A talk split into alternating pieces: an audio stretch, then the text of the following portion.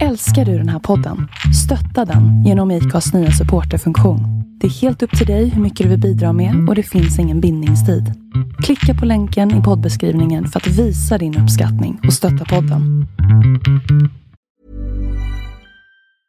I'm Sandra, and I'm just the professional your small business was looking for. But you didn't hire me because you didn't use LinkedIn jobs. LinkedIn has professionals you can't find anywhere else, including those who aren't actively looking for a new job but might be open to the perfect role, like me.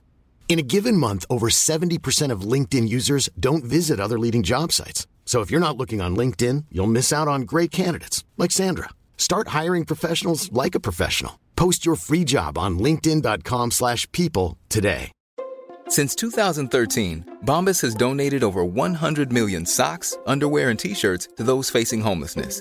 If we counted those on air, this ad would last over 1,157 days. But if we counted the time it takes to make a donation possible, it would take just a few clicks. Because every time you make a purchase, Bombas donates an item to someone who needs it. Go to bombas.com slash ACAST and use code ACAST for 20% off your first purchase. That's bombas.com slash ACAST, code ACAST. Burrow is a furniture company known for timeless design and thoughtful construction and free shipping, and that extends to their outdoor collection. Their outdoor furniture is built to withstand the elements, featuring rust-proof stainless steel hardware, weather-ready teak, and quick-dry foam cushions. For Memorial Day, get 15% off your Burrow purchase at burrow.com slash ACAST and up to 25% off outdoor. That's up to 25% off outdoor furniture at burrow.com slash ACAST. Hej och välkomna ska ni vara till ett nytt avsnitt utav Sveriges mest tongivande podcast Två låtar och en kändis. Som denna gång befinner sig i Stockholm och inte helt ovanligt på hotell Riddargatan. Och eh, det är ju numera nästan en tradition. Och eh, tradition, ja det är det även en hel del med veckans gäst som bär på ett efternamn som är legendariskt i svensk tv-historia. Och han fortsätter nu att förpliktiga med sitt namn även i svensk musikhistoria. Vi har sett honom medverka i Idol, Melodifestivalen, Körslaget, Stjärnornas stjärna, Let's Dance och i Så ska det låta, Allsång på Skansen och Lotta och Liseberg och Filip och Fredrik. Alltså det går att räkna upp hur mycket som helst. Men kära lyssnare, låt mig nu med största stolthet och respekt välkomna artisten Andreas Weise. Yay! Vilken introduktion. Ja, och den skulle kunna vara mycket längre med tanke på allt jag hittade när jag Ja, jag googlade dig. Det, det är helt sjukt. Ja, Ja, men det räcker ju. Gott och väl. ja, det tycker jag. Mm. Men du, du, vi får ju reda ut det här, för det är ändå så att du, du bär ett efternamn som förpliktigar i artistvärlden. Så får man lov att säga. Ja, mer eller mindre ja. Mm. Mm. Hur är det att ha det efternamnet? Och ha varit framförallt när du växte upp och allt det här. Oj, det är ju väldigt eh, svår fråga. Eh, både, både lätt och svår. Eh, på ett sätt har det ju varit väldigt kul. Speciellt när jag, var, när jag var liten och ung. För då var det ju väldigt sådär, eh, man, det var ju häftigt på ett sätt. Jag minns när vi satt på, på lektionerna så, så var det något djurprogram som var en del av undervisningen. Och jag visste ju att 99% av gångerna så kommer det ju vara eh, något av min, min pappas program. Och så hörde man liksom, ja nu var det dags, nu ska vi lära oss om lejon, typ. Och så gick det filmen igång, så hörde man, så såg man ett lejon springa på en savann och så hörde man direkt den här klassiska rösten. Grodan på savannen går bakom lejonet. Och du vet, alla bara vänder sig om och tittar på mig och asgarvar. Det var ju väldigt festligt, såklart. Eh, och man var ju på många sätt väldigt stolt över det.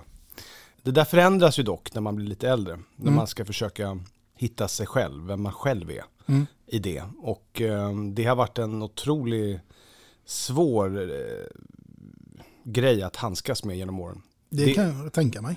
Eh, dels när man blir lite äldre, efter tonårstiden, men framförallt när jag skulle in i det här yrket så var det ju, då small det ju till på ett sätt som jag inte riktigt var beredd på. Så att, ja, det har, varit, det har varit eh, väldigt speciellt. Jag trodde att det inte skulle vara så eh, krokig, krokigt att ha ett känt efternamn som det har varit. Eh, men, men det har det varit. Vi ska komma in mer på det, men först så ska vi konstatera att Andreas Weise, han är född den 18 augusti 1986 i Stockholm och uppväxt på Lidingö. Det stämmer. Mm. Och då tänker jag ju så här att hur var din uppväxt med en pappa som hela Sverige känner till när du är alltså redan i en tidig ålder? Nej men det, det, var, det var inte så speciellt då egentligen, utan eh, där jag är uppvuxen så är, det ju, är man ju inte ensam om att, om att ha föräldrar som har presterat. Eh, Lidingö är ju väldigt så, eh, man brukar prata om att det finns väldigt mycket människor med mycket pengar på Lidingö. Eh, men det finns ju faktiskt både och. Lidingö är ju nästan, jag tror det är 50 000 invånare. Men det är väldigt eh, känt för, eh, för mycket idrottspersoner befinner sig där ute, mycket kulturmänniskor. Vi har Orup, eh, Daniel Adams-Ray, eh, John Lundvik eh, till exempel, eh, Melodifestivalen som bor granne med mig. Det finns väl Benjamin Ingrosso och hela den familjen och så vidare. Mm, så att eh, egentligen så, så stack man inte ut på det sättet för att det har alltid varit mycket högt presterande föräldrar som bor på den ön. Mm. Däremot så var det väl lite udda att, att ha en, en tv-person som förälder tror jag. Mm. Mm. Jag tänker också, har det påverkat dig i att själv känna att du ska vara en eh, högt presterande människa? Både, både ja och nej. Alltså jag, jag visste ju väldigt tidigt att jag ville in i, i musiksvängen. Eh, det förstod jag redan, jag brukar säga nio års ålder, men jag tror att eh, det började när jag var sex egentligen. Jag fattade att scenen var liksom, ja det här, och det var första gången jag kände också att här är det någon som ser mig. Här, inget annat, de tänker inte på på någonting annat utan det här är Andreas, det här är han bra på. Och då fick jag ett, ett egen identitet. Mm. Och det var väl därför jag klingade fast kring det så hårt. För jag visste att om jag följer den här vägen så kommer jag hitta min väg. Eh, så det var det enda som, som spelade roll. Mm. Och det får man ju verkligen säga att du har gjort. Ja, jo, men det tycker jag. Mm. Du, jag tänker att den här podden den handlar ju till stor del om ämnet musik, dock inte enbart såklart. Men eh, då tänker jag också att musik är ett ämne som berör oss alla människor på ett eller annat sätt, mm. oavsett mm. om man är musiker eller inte. Ja. Hur berör musiken dig i livet rent allmänt? Nej men det, det, är ju en, eh, en konstform som jag brukar säga är den viktigaste vi har på många sätt. Det är lätt för mig att säga som jobbar med det men på något sätt så kan det få en människa Eh, och en själv att eh, gå från ett visst mående till ett annat. Eh, och jag har också lärt mig med åren att mitt yrke är ju faktiskt att, att ge människor, när man börjar så är det så viktigt att visa hur, hur duktig man är. Kolla här, kolla hit, jag kan sjunga, jag kan göra det här, bla bla. Men man förstår inte att det inte är yrket. Jag tror det var Lill-Babs som sa det, sa det bäst, det här med underhållning. Att underhålla, hålla under någon annan människa. Så det kommer in några trötta jäklar i november, en onsdag och ska kolla på, på en konsert, förslagsvis min. Och så går de därifrån pigga, glada och, och har fått någonting, fått någonting i hjärtat. Det förstod jag mer med åren, det är mitt yrke, inget annat. Ehm, så på det sättet så är musik så jäkla viktigt. För det ger människor ehm, hopp, tro, det ger människor att kunna bli berörda, kanske minnas saker som har varit, eh, se framåt. Det finns så mycket musik som berör. Mm. Och, och, så är det ju för mig också såklart. Jag kan gå, jag kan, du vet, jag lever i småbarnsåren nu och kan må piss och så sätter jag mig i bilen efter en natt man har, man har sovit en timme och man hade velat sälja allt, huset och barnen. Och så, så sätter man på en låt som man verkligen som man brinner för och sen så har man liksom sekunden efter känt att åh, det är som liksom eh, balsam för själen på något sätt. Mm. Så musik har ju sån kraft. Verkligen, det är faktiskt lite som att gå och tanka bilen ibland. Ja, och sätta på rätt låt. Du, på tal om låtar, var det svårt för dig eh, att välja ut två låtar tills idag? För det var ju ett uppdrag du fick att göra. Ja, alltså det var väldigt svårt för att jag har... Eh, min stora grej musikaliskt har ju alltid varit att jag är en allätare. Mm. Och det är även samma sak som när jag, när jag släpper, släpper plattor och gör olika typer av projekt. Att jag har ju väldigt svårt att, att befinna mig i den här smala fåran. Och det har enbart att göra med att jag, jag älskar musik i alla dess former. Alltifrån metal, rock till den absolut klassiska visan. Så därför var det väldigt svårt. Eh, men jag har hittat två låtar som jag tycker ändå har varit med mig genom åren, som jag inte har pratat om förr. Så det, eh, det var ett bra val, tror jag. Ja, det ska mm. bli spännande att få reda på vad det skulle kunna vara och bli. Mm. Du, eh, då tänker jag att jag måste ändå fråga dig, vad, vilket är ditt absolut första musikaliska minne som du kan komma ihåg från en sån där tidig, tidig ålder? Ja, men det tror jag nog var Eh, vilket också är konstigt att jag nämner det, eller det är inte konstigt, men, men, eh, men det är viktig, det är en viktig del av varför jag, varför det, för det är så komplext som sagt. Det är inte bara en faktor som gjorde att det blev på ett visst sätt. Men, men mina morföräldrar i Skanör Falsterbo, de, eh, de älskade musik. Och det fanns två filmer som jag alltid ville titta på, eller tre, men vi säger två, eh, när jag kom ner dit. Och det var eh, Ben Hur, vilket var underbart för min mamma, för den var nästan fem timmar lång. Och så hade vi då eh, Mozart, eh, Amadeus-filmen. Och det var min första kontakt med klassisk musik. Och det berörde mig på ett sätt som jag kanske inte riktigt var beredd på som sju, åttaåring. Liksom. Kanske däromkring. Det var en sån kraft och så, så, så stort, eh, sån historia i det. Som, det var nog en av mina första stora musikminnen eh, mm. som jag blev rätt tagen av faktiskt.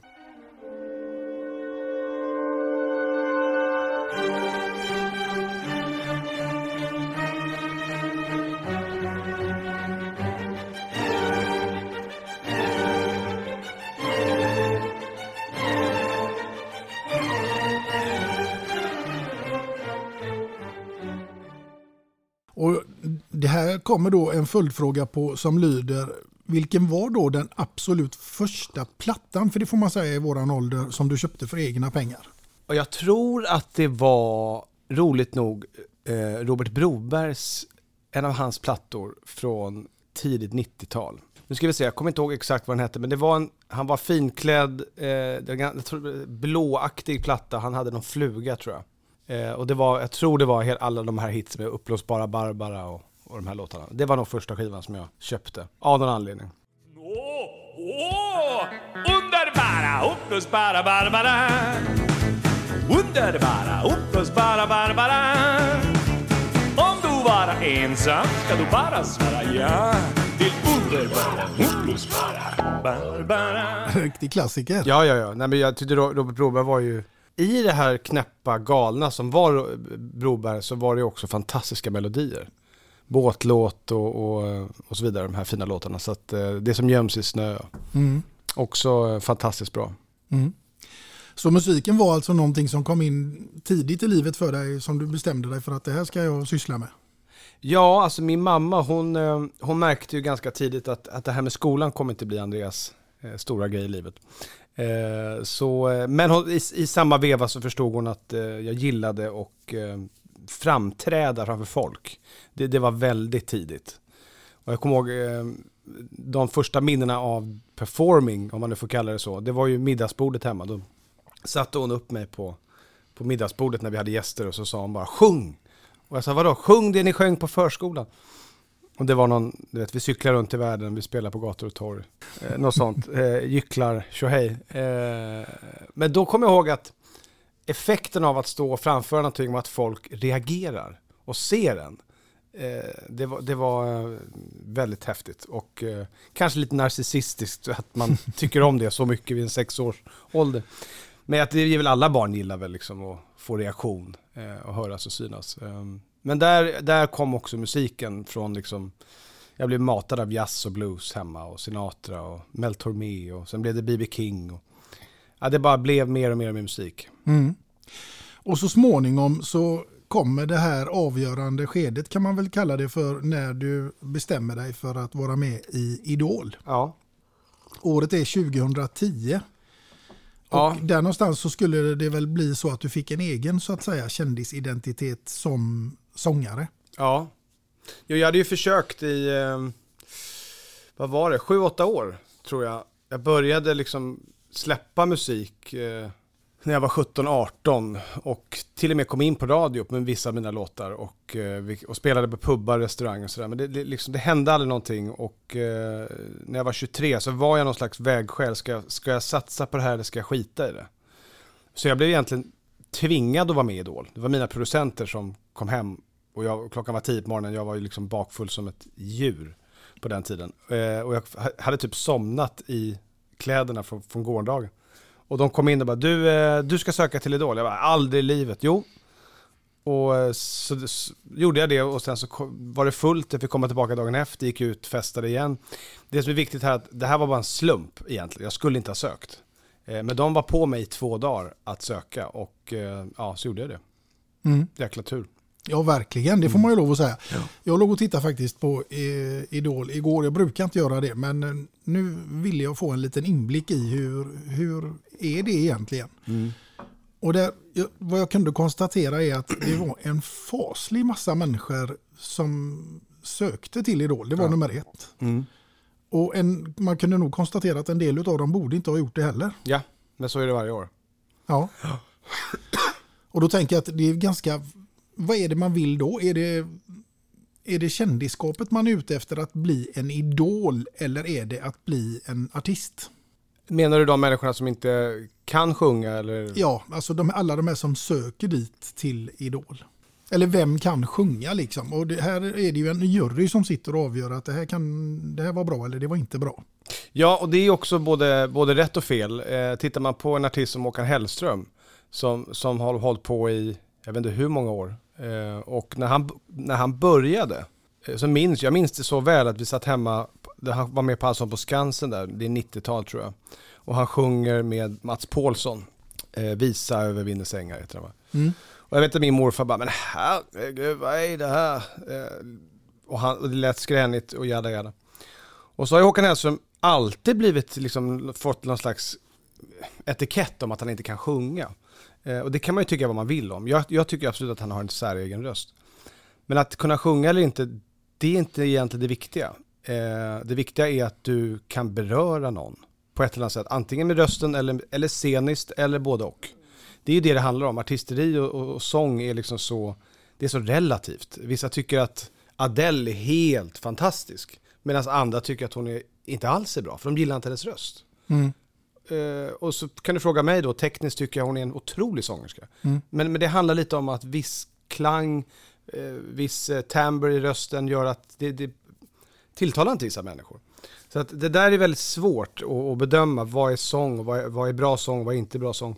Det är klart att du kan bedöma det ur en ren musikalisk, teoretisk, sjunger du i pitch eller inte? Mm. Absolut, men det är inte det som folk där hemma bryr sig om egentligen, utan de vill bli berörda på olika sätt. Men jag tror att idag så eh, handlar det mer om, eh, i många fall så, är du inte, kommer du inte långt i Idol så kan du all- alltid lyckats ändå, bara du syns. Du kan bli influencer, du kan bli komiker eller bara du får, får den tv-tiden. Mm. Jag tror inte alla de här människorna drömmer om att bli artister. Nej, en del verkar drömma mer om att bli kända. Ja, och där har du det största problemet. Mm. Kändisskapet är liksom totalt, eh, e- e- enligt mig, värdelöst. Om du inte brinner för, för det här yrket. Därför att då är det bara en plåga. Jag hatar att vara känd om jag ska vara helt ärlig. Jag älskar att stå på scen och göra de här grejerna när jag gör det från hjärtat och det är på riktigt. Men så fort det handlar om kändisskapet bara och inte något, handlar inte någonting om, om mitt yrke, då, blir jag bara, då vill jag bara springa därifrån. Mm. Jag vet inte varför det har blivit så, men det, det, därför att jag har sett att det är så mycket människor som bara bryr sig om den biten. Mm. Att synas för sakens skull, och det förstår jag inte. Nej, därför att eh, när du väl hamnar där i offentlighetens ljus så är det ju inte bara det positiva som kommer fram utan allt kommer ju fram och, och hamnar man då i någon fadäs så, så är det ju en löpsedel. Ja, det är det. Och idag är det värre än någonsin. Du, du får inte begå misstag idag, eh, vilket är också helt fel. Du får inte säga fel saker och, och du får inte... Sen är det bra att vi har liksom börjat tvätta bort gamla trötta stereotypsprylar. Att människor ska inte få bete sig hur som helst. Det är jättebra. Men vi är också människor. Vi, vi, vi, vi trampar snett och det måste man få göra så länge, det, eh, så länge man förstår att man har gjort bort sig. Ehm, Så att eh, Idol på min tid var ju något annat än vad det är idag. Idol då var, vi kom till Karlstad en onsdag och skulle promota inför lördagssändningen eller fredagssändningen. Och då står det 5000 pers på torget och väntar på oss. Och vi tänker så här, vad fan, vad är det här?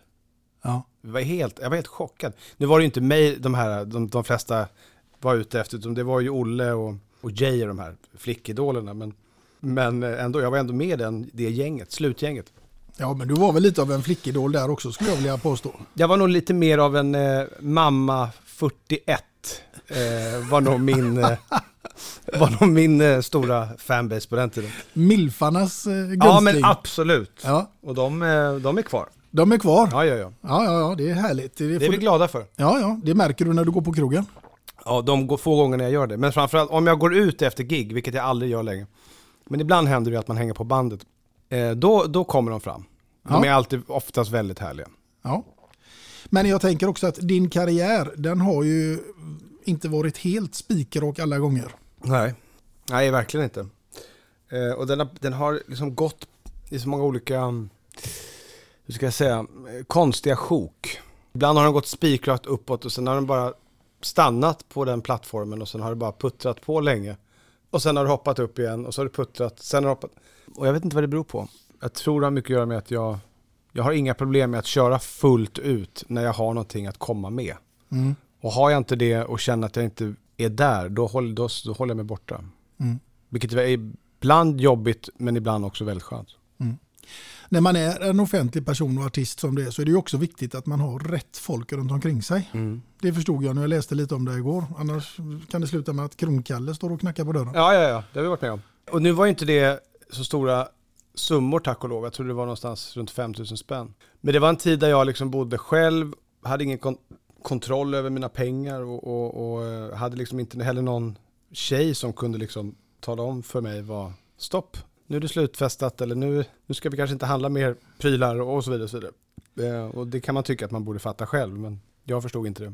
Nej, det är många som har gått den vägen. Ja, det, oh, absolut. Du, eh, vi ska ta oss tillbaka lite till musikens tecken för att jag tänker vi ska leka lite grann med din fantasi innan vi går vidare i din karriär. För du ska få befinna dig i ett scenario där du ska vara på en öde ö i ett helt år och du får bara ta med dig en enda platta dit. Oj då. Och då är jag ju nyfiken på att veta vilken skulle det bli? Ja, faktiskt. eh, Så den som kommer upp direkt är um, Rod Stewarts Unplugged-skiva från 1993, tror jag den är från. 93 eller 94. Mm. Där han kör med, bland annat Ronnie Wood kommer in och gästar, Rolling Stones gitarristen va? Och han kör alla sina hits akustiskt, eh, Unplugged. Have I told you lately that I love you? Have I told you there's no one else above you? You fill my heart with gladness, take away all my sadness, ease my troubles. That's. Med fullt band, körer, stråk, hela köret. Det är bland det bästa som liveplattorna som har gjorts i modern tid, tycker jag. Mm. Det är en sån skiva, om jag åker hem från en spelning eh, och har två och en halv timme att slå ihjäl, då sätter jag på den och kör, kör hela den. Så att, eh, han kommer ju också till, eh, till Stockholm nästa sommar. Så det måste man ju se. Såklart. Men den plattan är, det, är- det är en sån här skiva som jag älskar rakt igenom. Den åker med dig till Den en åker med. Ja, grymt. Då ska vi se. Vi tar också och går vidare lite i fantasins tecken tänker jag. För att det är så här att jag råkar veta nu att du har medverkat i Let's Dance. Men nu ska vi Tyvärr, ska vi säga. Nah, det vet Nej. jag inte. Men, men nu är det så här. Du är i final Mm. i Let's Dance. Och här är det bara fantasin som sätter gränserna. Så att nu får du välja danspartner precis vem som helst. Död eller levande och, och vad som helst. Jag vill veta vem du hade dansat med och till vilken låt det här nu hade fått utspela sig. Oj, vad svårt. Ja, jag vet. Jag hade dansat med Lill Lindfors. Lill Lindfors. Ja. Och till låten Till låten Det var dans och håll igång. Nej, eh, jag hade nog gjort det till eh, Lills låt Rus.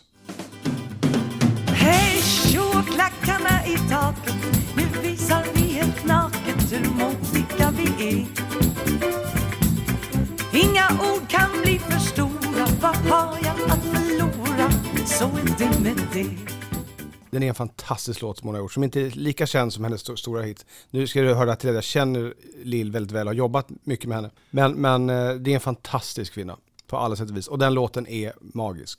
Andreas Weise, Lill Lindfors till låten Rus i en final i Let's Dance. Nu, nu tror jag till och med Tony Irving hade gått bananas. Alltså. Nej, det var det episkt. jag måste bara säga det, det var det värsta dansen jag har sett.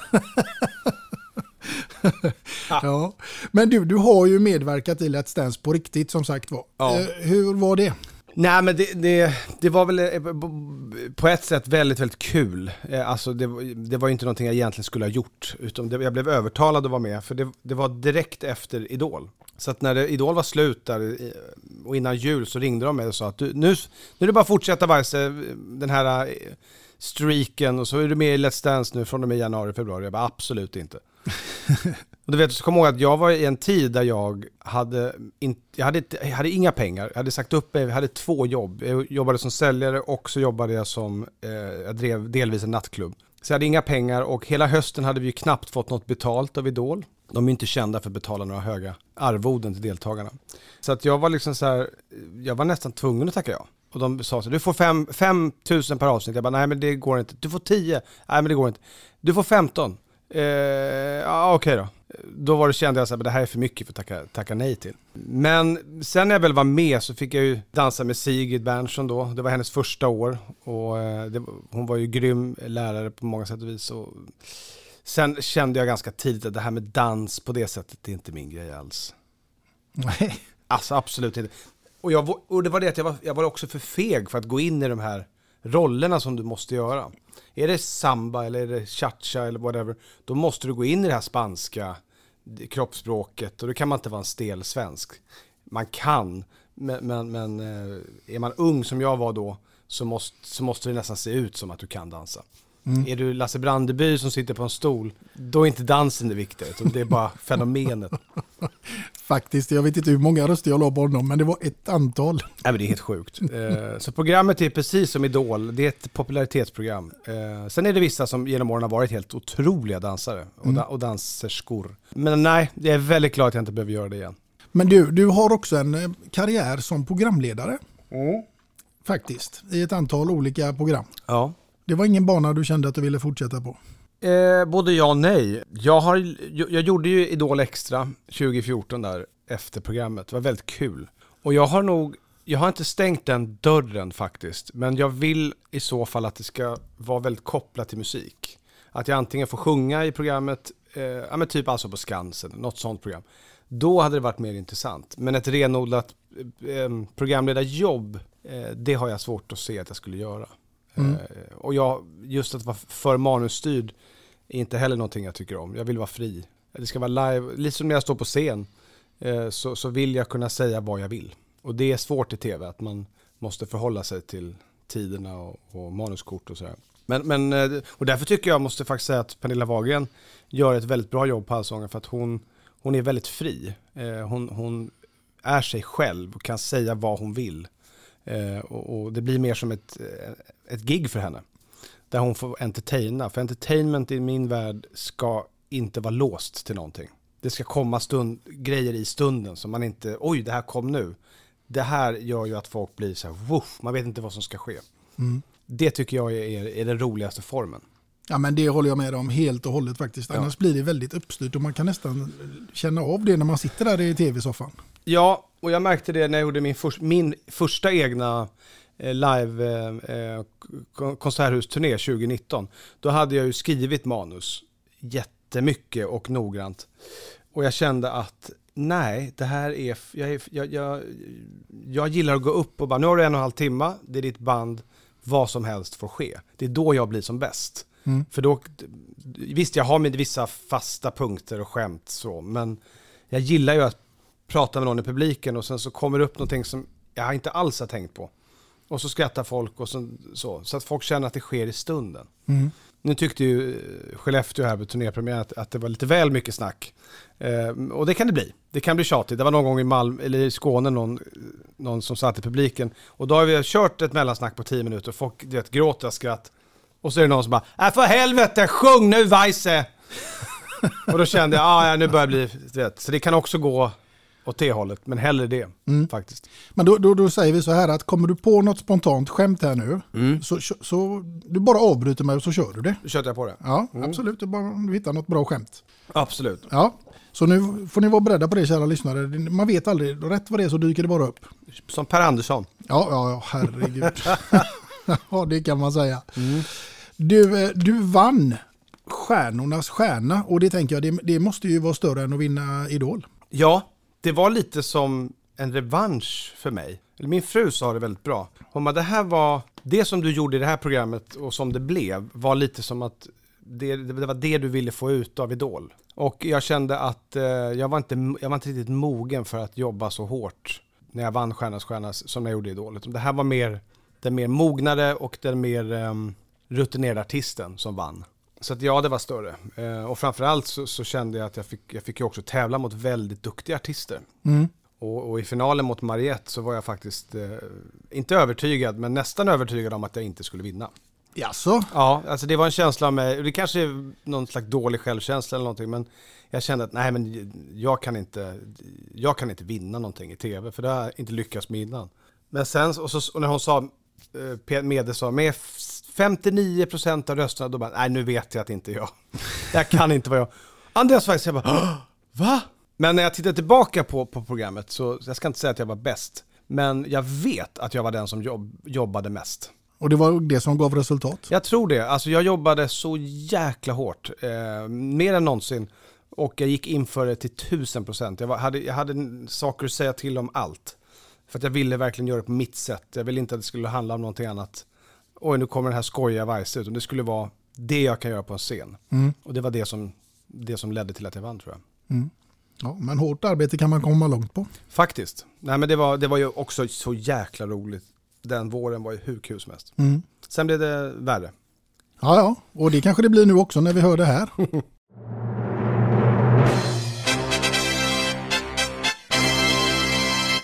Åh nej. Oj, här kom signalen för fem snabba och jag tänker att det är inte mycket att hålla på så vi kör. Ja, vi kör. Ja. Då lyder den första. Vara bäst bland de sämsta eller sämst bland de bästa? Sämst bland de bästa. För då kan du alltid bli bättre tänker du. Ja. Ja, jag köper den rakt av. Surströmming eller levergryta på tallriken i en vecka? Oj, det, det värsta är att jag gillar båda. Eh, men då, då säger jag lever faktiskt. Det gillar jag mer. Levergryta? Ja, absolut. Kunna se in i framtiden eller kunna ändra i det förflutna? Se in i framtiden. Bror till Leif och Billy eller son till Ove Sundberg i Solsidan? Det är pest eller kolera. eh, nej, bror då till. Till Leif och Billy? Ja, jag skulle aldrig vilja bo under Ove Sundbergs tak. Nej, Fy fan. nej, jag förstår dig. En eh, flygtur med Magnus Uggla eller en simtur med Anna Anka? Eh, Magnus Uggla. Ja, Alla dagar i veckan. Ja, men herregud, det här löste du ganska bra. Det var ju inga konstigheter. Nej. Nej. Fan vad vi flyger Weise. ja, Ja, nej men det, det var inga tveksamheter någonstans där egentligen eh, känns det som va? nej och jag märker också att jag har eh, en rätt, ja, jag har gjort, gjort galna grejer i livet så det där, det där var snällt för mig. Ja, jo, jag skulle kunna lite elakare men jag kände att eh, Nej, vi ska vara schysst mot lyssnarna också. ja, jag tänker det. Men har du någon eh, anskrämlig historia att bjuda på? Oh, om jag har. Ja, Eh, ja, jag vet inte vilken. Men jag kan ju berätta eh, ett snabbt minne, mitt sista minne från min mormor som gick bort i våras, eh, Anita. Hon var en otroligt härlig dam och gillade att dricka vin in i det sista. Och eh, Eh, när jag gjorde musikal i Malmö förra sommaren så första repveckan så, så bestämde vi att men jag kommer ner till, till huset då i Skanör där de, mormor och morfar bodde på fredagen där. Så kom jag ner så började vi dricka vin och sen vid nio tiden så eh, ja, vi gick, gick från fördrink till, till vin. Väldigt trevligt. Och vi snackade på, vi tre som allt som vi alltid gör och pratade musik och karriär och hej och hå. Och det blir så, man är med dem så var det alltid, så det, tiden bara rann. Och vinet rann också. Alltid så. Och eh, jag kommer ihåg mitt första, när min fru då, eller fästmö, eh, Sofie var med första gången, då var klockan halv tre på natten och Sofie sparkade mig under bordet och bara, klockan är halv tre, de är 85. Hon fattade ingenting. Jag bara, vi har inte ens börjat. Men, eh, och då minns jag att vi, vid tio tiden säger min morfar så här, ja, ska det vara något, ska det vara något extra till kaffet? Jag har köpt en fantastisk rom. Jag bara, rom, det var länge sedan. Och då hade han köpt en sån här rom, du vet, väldigt fin, som smakar saft. Och den drack jag som att det vore vin. Och det gick därefter. Eh, Så att vid halv elva känner jag att jag, liksom, jag spyr i munnen. Så jag måste ju springa till toaletten och du vet, det snurrar som... Ja, då tänkte jag så här, det här funkar inte. Sen vid halv tolv sa jag, "Nej, nu måste jag gå och lägga mig. Eh, och det slutade sen med att min mormor eh, ramlade i duschen på natten. Och slog sig och åkte in på sjukhus. Och min mor, mamma ringer mig. Varför ligger mormor på sjukhus? Hon åkte in till lasarettet och, och nej, det var, det var en eh, väldigt eh, rolig men speciell kväll. Ja, Så att lite sådana grejer har hänt. Eh, men det är väldigt sällan numera, tack och lov. numera är du en stadgad familjefar. Ja, Ja, det är korrekt. och hur är det? Nej, men det är ju det är en blandning av otroligt eh, skönt eh, och, och, och härligt på så många sätt. Men det kan också vara ibland väldigt, väldigt stillsamt. Eh, jag tror man be- behöver både och. Men för mig var det, var det, har det varit eh, fantastiskt Mm. att få barn och, och landa i det. Mm. Men det är, det, är, det, är, svårt att vara förälder. Ja, gud ja, jag har fyra barn själv så att, Har du fyra barn? mm, fördelat två och två från Olika? ja, två i ett äktenskap och två i, i Ja. det andra. Det är ju en smart lösning. Ja, jag spelar oavgjort där kan man säga. Tre pojkar och en flicka resulterade i. Ja, jäklar. Men, Ja. men det är ändå så tycker jag att föräldrarollen gör ju att man växer som människa själv också. Ja, håller helt med. Och det, det är väl det som jag har känt. Jag har alltid varit en, en sån sökande, delvis omogen person. Eh, Men när jag fick barn så var jag tvungen att bearbeta mina egna, jag ska inte säga trauman, men vi alla bär på trauman tror jag. Stora som små. Och eh, jag fick mer förståelse för mig själv. Och eh, sen är det det här ständiga eh, dåliga samvetet och, som man alltid bär på tror jag som förälder. Och förståelse för varför mina föräldrar var, hade det som de hade det. Och varför de var väldigt hårda mot mig, det förstår jag ju nu. Mm. Jag tänker framförallt där att med din enormt kända pappa Arne då och på den tiden så tänker jag att med all respekt men han kan inte ha varit så särskilt närvarande pappa kanske. Nej, det, nej, både ja och nej. Det beror på vad man menar. Eh, mina föräldrar var skilde sig väldigt tidigt. Eh, redan 91 tror jag. Så jag var bara fem år. Eh, så att vi, och vi bodde ju hos, hos mamma st- största delen av tiden. Men sen åkte vi ut då till landet varannan helg bodde vi hos honom på landet eh, på Blidö i Stockholms skärgård. Eh, och, så jag är uppvuxen där väldigt mycket. Eh, och då var han ju väldigt så, men, men jag vet ju själv som är i det här yrket att, att eh, man är, när man, för honom, han var ju mer tv-personen än vad han var föräldern. Eh, vilket var väldigt tydligt. Men eh, så, så på det sättet, jag har ju sagt i en intervju tidigare att han var mer som en kompis. Speciellt i vuxen ålder. Vi hade en väldigt härlig relation han och jag. Vi garvade mycket och hade, vi hade en sån här typisk incident från vår relation. Jag, kunde, jag åkte ut till, till landet, det var innan jag hade körkort och bil och så kunde jag åka buss och så kunde jag säga, så ringde jag honom så bara, var är du någonstans? Ja, men jag är i Norrtälje, på väg, jag är på väg med buss, jag kommer snart. Men vet du vem som står här? Bredvid mig. Nej, berätta! Magnus Härenstam. Åh, men ge honom telefonen för fan! Och då, det var ju inte Magnus Härenstam, det var bara jag som imiterade då Magnus. Så jag gav över telefonen, låtsades och så sa jag Goddagens, goddagens, hejsan hejsan! Hallå Magnus, hur mår du gamle stallbror? Du vet, och skrockade och, och han bara hej hejsan hejsan! Och så efter ett tag bara Nej men nu får du ge dig Magnus, hejsan hejsan, sluta! Och så skrek han i telefon. Och så, så låtsades jag ta över telefonen. Nej men det är bara jag. Och så började han asgarva. Så vi hade alltid sådana gags mot varandra. Framförallt jag som, som jävlades med honom. Så det hade vi och vi hade en väldigt rolig relation så. Men, men vi hade inte en sån där far och son relation på det sättet. Eh, som jag, jag märker nu att jag, jag försöker att ha med min son. Mm, Eh, precis. där är det viktigt att jag försöker eh, säga vissa saker som, eh, till honom, till August då, som, som jag och min pappa inte pratade på det sättet. Eh, och det tror jag också är den generationen. Man sa inte till sina barn, jag älskar dig på det sättet. Det finns absolut undantag, men jag tror att det var inte lika vanligt. Speciellt far till son. Mm. Eh, och, eh, och jag sa inte heller det nästan aldrig till min pappa. Medan jag säger det till min, till min son varje dag. Eh, för att jag vill aldrig att han ska känna att min pappa sa aldrig det. För så kände jag. Där kände vi extremt lika och jag, jag säger likadant till mina barn. Ja. Nej men det är bra. Jag tror att man, och det är inte min pappas fel, han kommer från, från den generationen och, och jag lärde mig att det är så det är. Men vi, vi han säga det i alla fall mot slutet och det, det var viktigt. Mm, absolut. Du, någonting som är viktigt nu också faktiskt, just i denna stund, det är att ta reda på vad som är Andreas Weisses första låtval för dagen. För det är jag extremt nyfiken på med vem det är och inte minst varför. Mm. Och då har jag valt en av mina absoluta storfavoriter och det är låten A Song For You med Donny Hathaway. Och eh, varför jag har valt den har delvis att göra med att första gången jag hörde den här låten så hörde jag faktiskt med en annan idol av, av mig, eh, eller till mig, eh, för mig, eh, som är Björn Skifs. Det var första gången, och det var en av de plattorna, också en av de första plattorna som jag hade hemma. Eh, en av tidig Björn Skifs-platta, eh, den låten var på. Men då kände inte jag till att, att det, det inte var originalet. Så det var en låt som fastnade tidigt. Men sen hörde jag den första, första gången jag hörde den med Donny Hathaway så blev jag fullkomligt tagen. Och det är inte så många som, som känner till Donny eh, idag, eh, i och med att han tyvärr tog livet av sig väldigt tidigt, redan 1976 tror jag.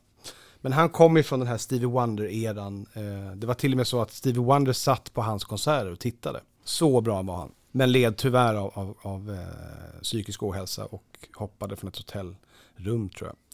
Något sånt. Eh, och, eh, men låten tycker jag är helt makalös på många. Speciellt det här kända du, du, du, eh, pianointrot som alla känner till. Så det är en sån här låt som jag eh, älskar. Då tycker jag vi tar och kör den. Tycker jag också.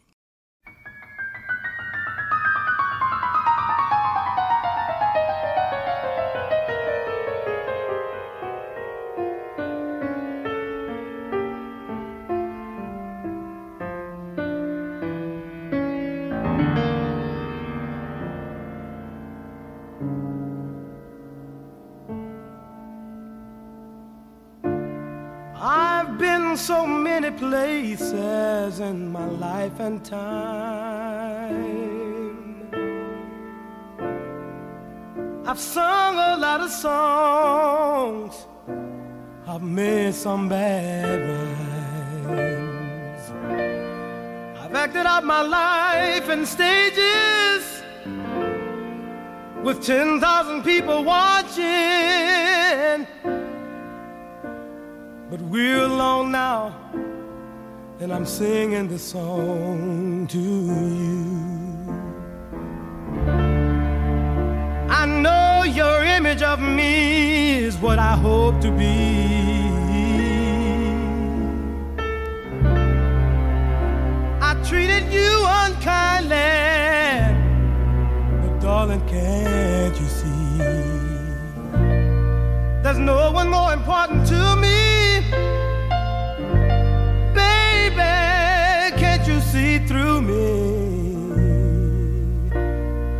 We're alone now, and I'm singing this song to you. You taught me precious secrets of a true love, holding nothing. You came out in front when I was hiding.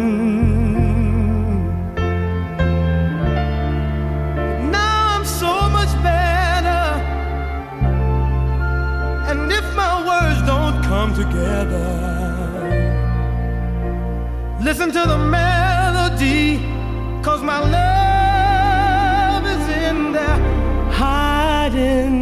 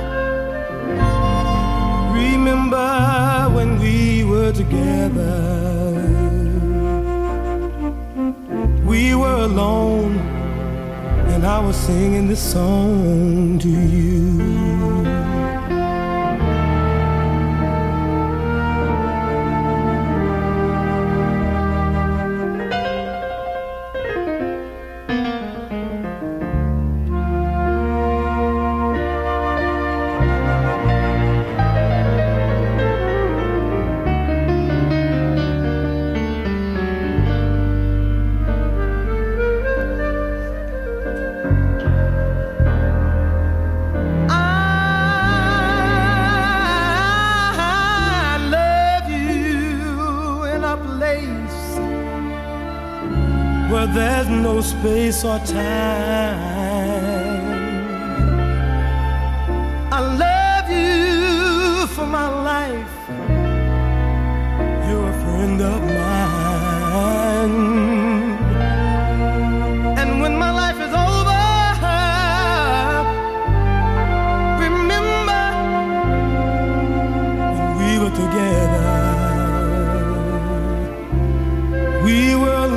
I was singing this song to you.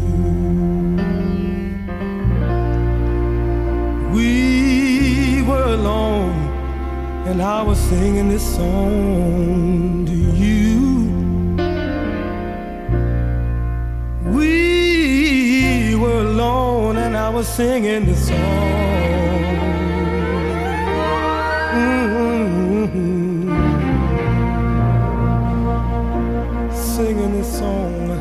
To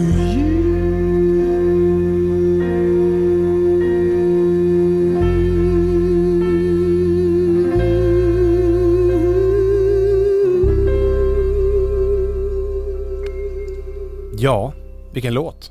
Ja, första gången jag hörde den. Mm. Men jag håller fullständigt med dig.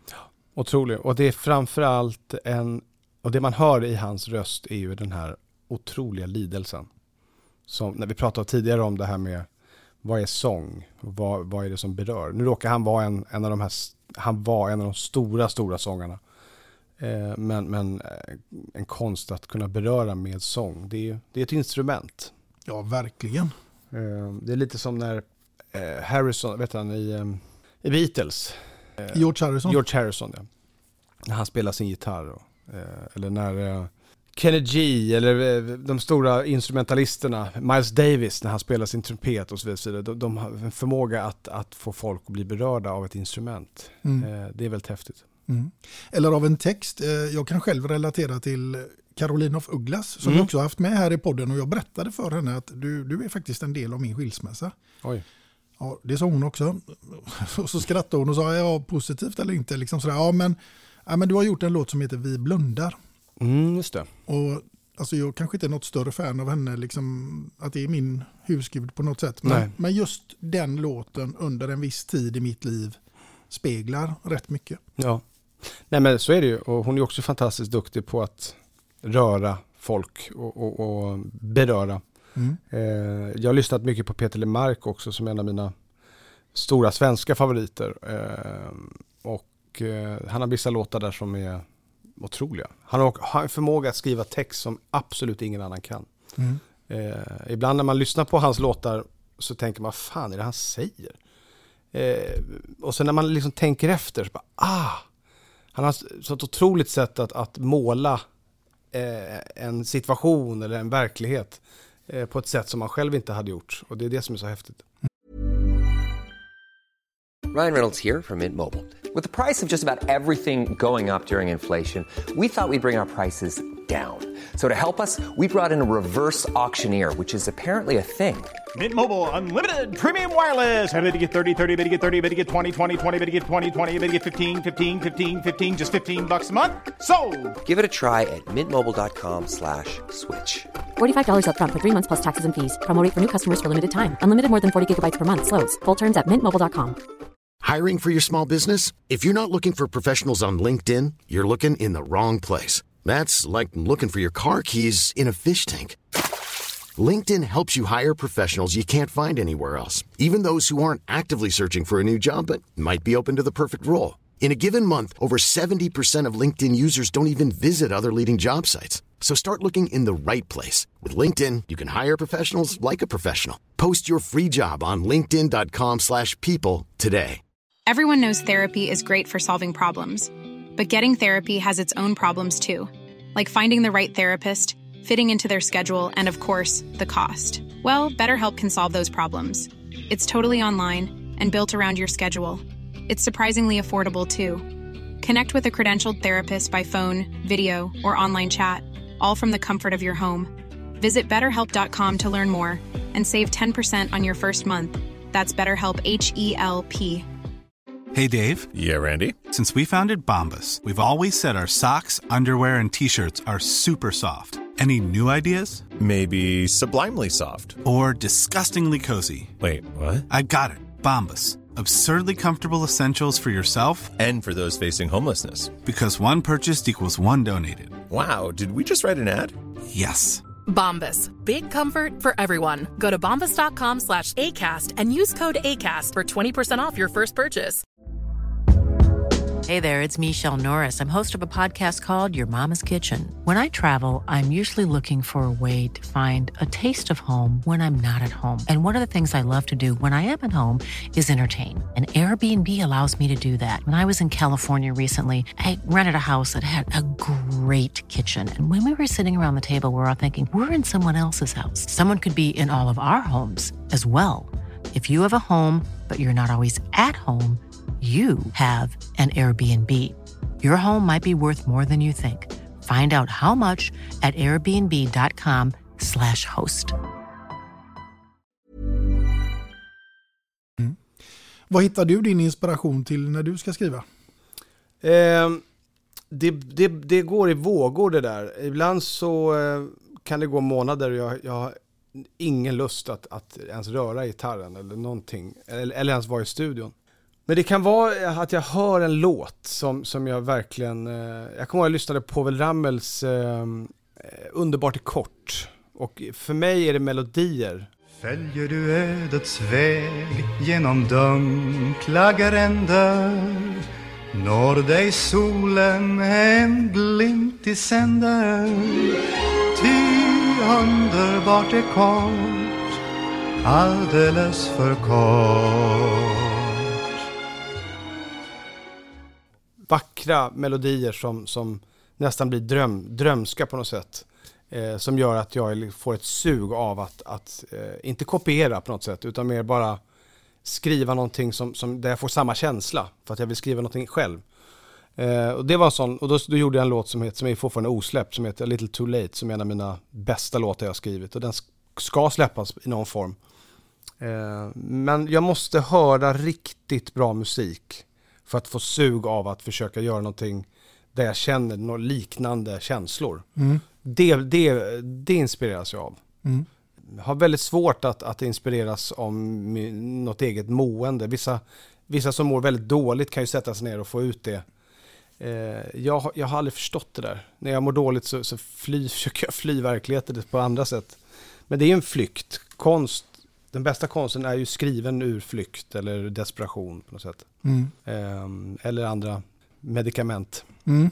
Jag hade ju en tidigare gäst här i, idag som jag intervjuade som heter Anna Stadling. Mm. Och, och, hon hade ju mycket vemod liksom som hon mm. inspirerades utav. Ja, det gör väl jag också. Jag tycker vemod är den, den bästa känslan. Att sjunga och skriva. Mm. För den, den vemodet är både och. Det, var, det kan vara sorg, men det kan också vara glädje, det kan vara hopp i vemod. Mm. Det finns någon, nostalgi i det också. Som, jag är ju väldigt nostalgisk av mig av någon anledning. Men eh, ja, vemod är, det är också det roliga att de stor, stora, stora låtarna är oftast vemodiga. Mm. Av någon anledning. Mm. När du går ut där på, på scenen liksom och, och känner att du berör, mm. hur blir din känsla då? Ja, det beror lite på. Alltså det, det, om jag går ut och gör en låt som är lite mer glad och, och energifull så känner jag hur folk eh, liksom nästan studsar i, i stolarna. Eh, och det, det berör ju på ett sätt. Jag tänker mer ur ett eh, vemodsperspektiv. Ah. Okay. Eh, nej men då känner jag väl så till exempel att om jag... För jag har märkt med åren att man måste connecta med publiken. Eh, och, och, det är så lätt att säga, men man måste verkligen ha upplevt det för att förstå vad det innebär att connecta med en publik. Eh, och, och, det är ju när man blottar sig totalt. När man oftast berättar eh, den jobbiga associationen från, till låten. Det har kanske hänt någonting i ens liv som man måste berätta om för att de ska få lära känna en. Och då blir man, det är väldigt avväpnande. Samtidigt väldigt läskigt för att då är det så skört. Mm. Och man hör hur folk nästan snyftar eller gör en sån eller oh, eller liksom man hör folk gråta ibland beroende på vilken låt. Ehm, men då känns det som att man skapar någonting i rummet som är så skört. Men det gör att folk, jag hör hur folk läker på ett sätt. Det låter ju som att jag är Gud här, men, men, men och jag läker också. I, i den jobb, det jobbiga som jag försöker läka. Mm. sätt. Ehm, det är en väldigt speciell... Och har man upplevt det några gånger så är det väldigt, kan man nästan få ett mot, man kan bli motbjudande mot sig själv när man känner att man inte kan leverera det. Mm. Om man är någon annanstans eller man tänker att ibland kan det vara på en, menar, en och en halv timmas konsert som jag gör så kan det ju vara att man börjar tänka på annat eller man kanske ser någon med en telefon och så börjar man tänka på det. Och, så det, är- det är svårt att ha fokus i en och en halv timme, det vet man ju själv. Mm, absolut. Men när de där guldögonblicken kommer så, så är det som att tiden stannar och det, det är väldigt häftigt. Mm. Jag försöker att relatera din arbetsplats då att stå på scenen till, till eh, ämnet fotboll, idrott. Eh, Man söker ju kickar kanske som fotbollsspelare eller man får kickar av att spela inför en stor publik. Hur du som artist får kickar av att möta publiken där ute. Mm. Nej men det är ju, eh, det är ju en, en, den, den bästa känslan i världen. Och också svårt för att eh, när man hör sitt namn ropas upp eller när det är dags att göra entré så är det ju en väldigt, det är en stor prestationsångest kan det vara. Eh, även om du vet att, du vet men det känns väldigt så att det kommer bli bra. Eh, så är det fortfarande så att det är en och en halv timme eller en timme som du ska verkligen eh, leverera. Mm. Men jag har ju också lärt mig med åren att leverans och vad, vad, vad det är att, att få den här kicken, det, det kan variera från kväll till kväll. Eh, jag har gått upp och kört konserter där jag känt att det här går inte bra. Och sen så kan folk komma efteråt och bara, här är det bästa jag sett. Jag bara, Va? Vad fan har du varit på toaletten? Eh, för man kan inte riktigt veta själv eh, alla gånger. Nej. När man går in i den zonen. Men det är en otrolig kick och, och det är en otrolig jobbig bearbetningsperiod efteråt. För att om det går för långt mellan gångerna så börjar jag i alla fall blicka in för mycket i mig själv. Och då, då kommer de här självtvivel och, och hypokondrin och allt det här. Mm. Eh, en skapande person måste alltid skapa. Eh, annars kommer den personen må dåligt. Det låter rimligt. Ja, och det är det som är nackdelen i det här yrket. Att när lamporna släcks och det är för mycket paus så blir det lätt att, att man, man tappar. Eh, när jag går upp på en scen så känner jag att det här, här har jag kontroll. Här kan jag andas, här släpper min ångest. Men bak, ba, bakom scenen så är det eh, tyvärr så att det inte är så alla gånger. Mm. Eh, så det är svårt att hantera. Vad gör man för att försöka hantera det då? Ja, Jag, jag spelar golf, eh, vilket är jättekonstigt att jag gör för att jag har absolut inte tålamod för golf. Eh, och eh, jag är en sån här person som älskar den sporten och har spelat jättemycket, men eh, du vet, har inte psyket för golf. Jag har vissa kompisar som spelar ner på scratch och plus och har tävlat. De tittar på mig och bara, vad, vad, är, vad är det med dig?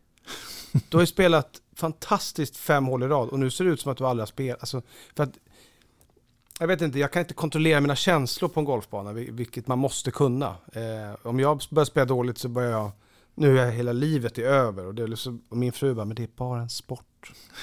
Och du ska inte in på touren. Jag är så här, du vet, jag tror ju det så fort jag börjar spela bra. Nej, jag ska nog satsa nu tänker jag.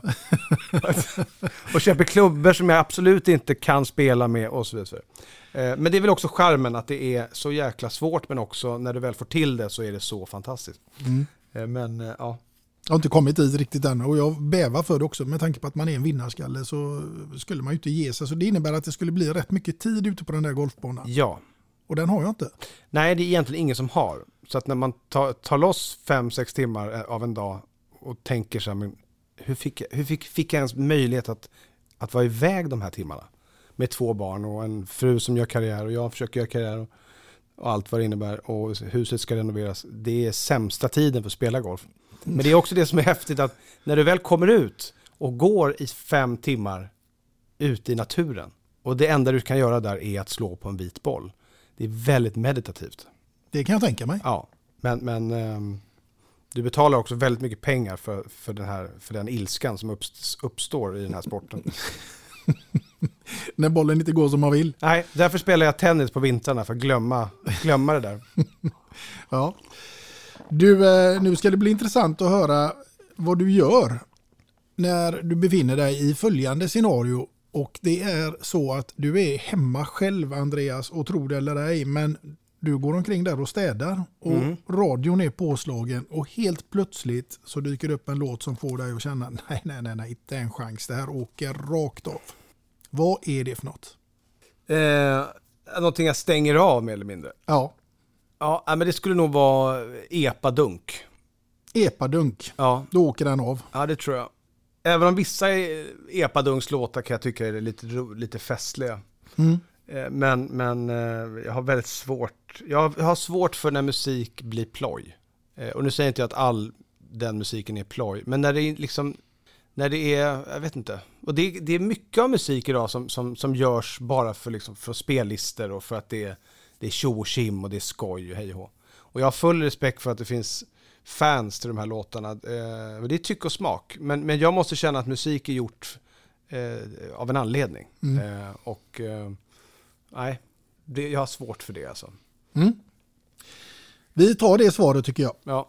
Du, eh, nu kommer vi till något kanske lite roligare för nu undrar jag vem som skulle få skriva låten eller visan om Andreas Weise. Oj, det var en väldigt bra fråga. Då skulle jag nog, ja, men då skulle jag nog säga Peter Lemark. Mm. Faktiskt. Han får det uppdraget. Han får det uppdraget. Ja. Då hör du det Peter. Eh, Du vet vad du ska göra. Det är bara att ta fram pe- papper och penna och en gitarr. Ja. Så får vi se hur den texten lyder. Hur tror du att, den hade, hur tror du att han hade tolkat dig? Nej men eh, han hade tolkat mig väldigt ärligt tror jag. Men han hade, han hade sagt det på ett språk som eh, hade varit väldigt, lite finare än, än den riktiga beskrivningen tror jag. Mm. Snällare, jag vet inte. Ja, lite snällare. Kryptisk. Ja. Ja. Man hade fått känna dig för att förstå kanske. Ja, men jag har ju, ehm, jag har ju faktiskt, eh, jag, var inne i en period för, något, för två år sedan där jag skrev bara svensk musik. Och en del av de låtarna är, ligger faktiskt och, och gror eh, som jag någon gång kanske släpper. Men väl, eh, jag blev väldigt nöjd själv. Så skickade jag över till Peter eh, och skrev, skrev så här, han vet om att jag är ett stort fan. Men så skrev jag så här, hej Peter, skulle du kunna lyssna eh, och ge feedback? Jag räknar ju inte, absolut inte med att han ska svara på det. Eh, men han svarade, han bara visst, och sen P. Och så jag skickade över allting och han gav feedback på alla de här fyra, fem låtarna, vilket var väldigt kul. Och då fick eh, du godkänt? Jag fick godkänt, eh, mer än godkänt på vissa grejer, eh, men bara av att han svarade och liksom eh, gav eh, en bra feedback var ju väldigt kul. Och det är kul när man själv är i branschen och man kan själv bli starstruck, det är lite roligt. Ja, verkligen. verkligen. Du, eh, vi ska ta oss ifrån det scenariot till någonting helt annat. Och nu är det så här att du är där hemma återigen. Men denna gången så ska du ha en middagsgäst. Och här är det bara fantasin som sätter gränserna. Så det kan vara antingen en död eller levande eller vad som helst. Vem som helst. Och jag undrar vem gästen hade varit, vad du hade bjudit den här gästen på till middag och vilken låt som hade fått ligga där i bakgrunden till det här fantastiska scenariot. Ja, då, först tänkte jag att jag skulle vilja sitta med Frank Sinatra. För det är ju en, en av mina stora jazz, av de jazzfavoriterna som jag har så är Sinatra absolut högst upp. Men så kom jag att tänka på en, en av hans bästa vänner som var, som dog bara för några år sedan, som hette Don Rickles. Och eh, om man gillar eh, humor och komedi så tillhör han ju en av de absolut största eh, genom alla tider. Därför att han var, eh, han var ju del av, han var inte del av Rat Pack men han var i eh, nära anslutning till de här grabbarna och uppträdde jättemycket i Las Vegas och var med på Johnny Carsons eh, tv-show och Lettermans och alla dem. Och hans act var ju att fullkomligt roasta allt och alla. Han var ju liksom roastmästaren på Dean Martins roastprogram på 70-talet, eh, 60, 70, 80. Och han var så snabb i huvudet på att komma med liksom skämt. Eh, och, och, och googlar man på honom, du kan sitta alltså en hel natt och bara titta på klipp när han uppträder eller när han besöker en tv-show. Eh, han är helt outstanding och den humorn hade aldrig fungerat idag. Därför han skämtar väldigt mycket om olika etniciteter och, och, och svarta, om, om folk från whatever. Eh, och, och det funkade på den tiden. Idag så eh, skulle det, jag tror inte det hade funkat. Eh, men det, det humorn är ju, kommer ju alltid från en, en bra plats. Han är ju raka motsatsen så var han ju väldigt omtyckt av alla i Hollywood och i underhållningsvärlden. Men, men, eh, men sjukt snabb och sjukt rolig. Så det, det, han hade jag velat sitta med och bara sitta och bli förnedrad av honom. Det hade varit väldigt kul. Ja. Eh, för vi har sån humor i vårat killgäng och i många killgäng, de flesta killgäng skulle jag säga, har en ganska Rå men hjärtlig humor. Ja, rå men hjärtlig. Sen finns det vissa killgäng som, som försöker vara motsatsen. Eh, de gängen har jag aldrig förstått mig på. Jag gillar ju när jag blir sågad. Så länge det inte är för elakt. Mm. Då kan jag bli för känslig. Men jag gillar ju det här med att man, man driver med varandra. Eh, våra fruar förstår ju absolut inte det här. Nej. Nej, tycker jag att vi är dumma i huvudet. Vad fan är ni så taskiga? Och så, och, och så är det så roligt att vi försöker vara de här tuffa männen som kan ta det här. Men det är inte alla som kan ta det. Och så blir, går folk ut de här WhatsApp-trådarna och är skitsura och eh, det är också lite roligt att vi är mer känsliga än vad vi säger. Eh, men, men det är kul. Och en låt då som ska puttra på det här. Ja, då får man väl ta en låt från den eran kanske. Eh, hade varit lite kul. Vilken, ja. Jo, nu vet jag. Eh, Moonlight Lady med Julio Iglesias. Moonlight Lady. Fantastisk. Come along with me.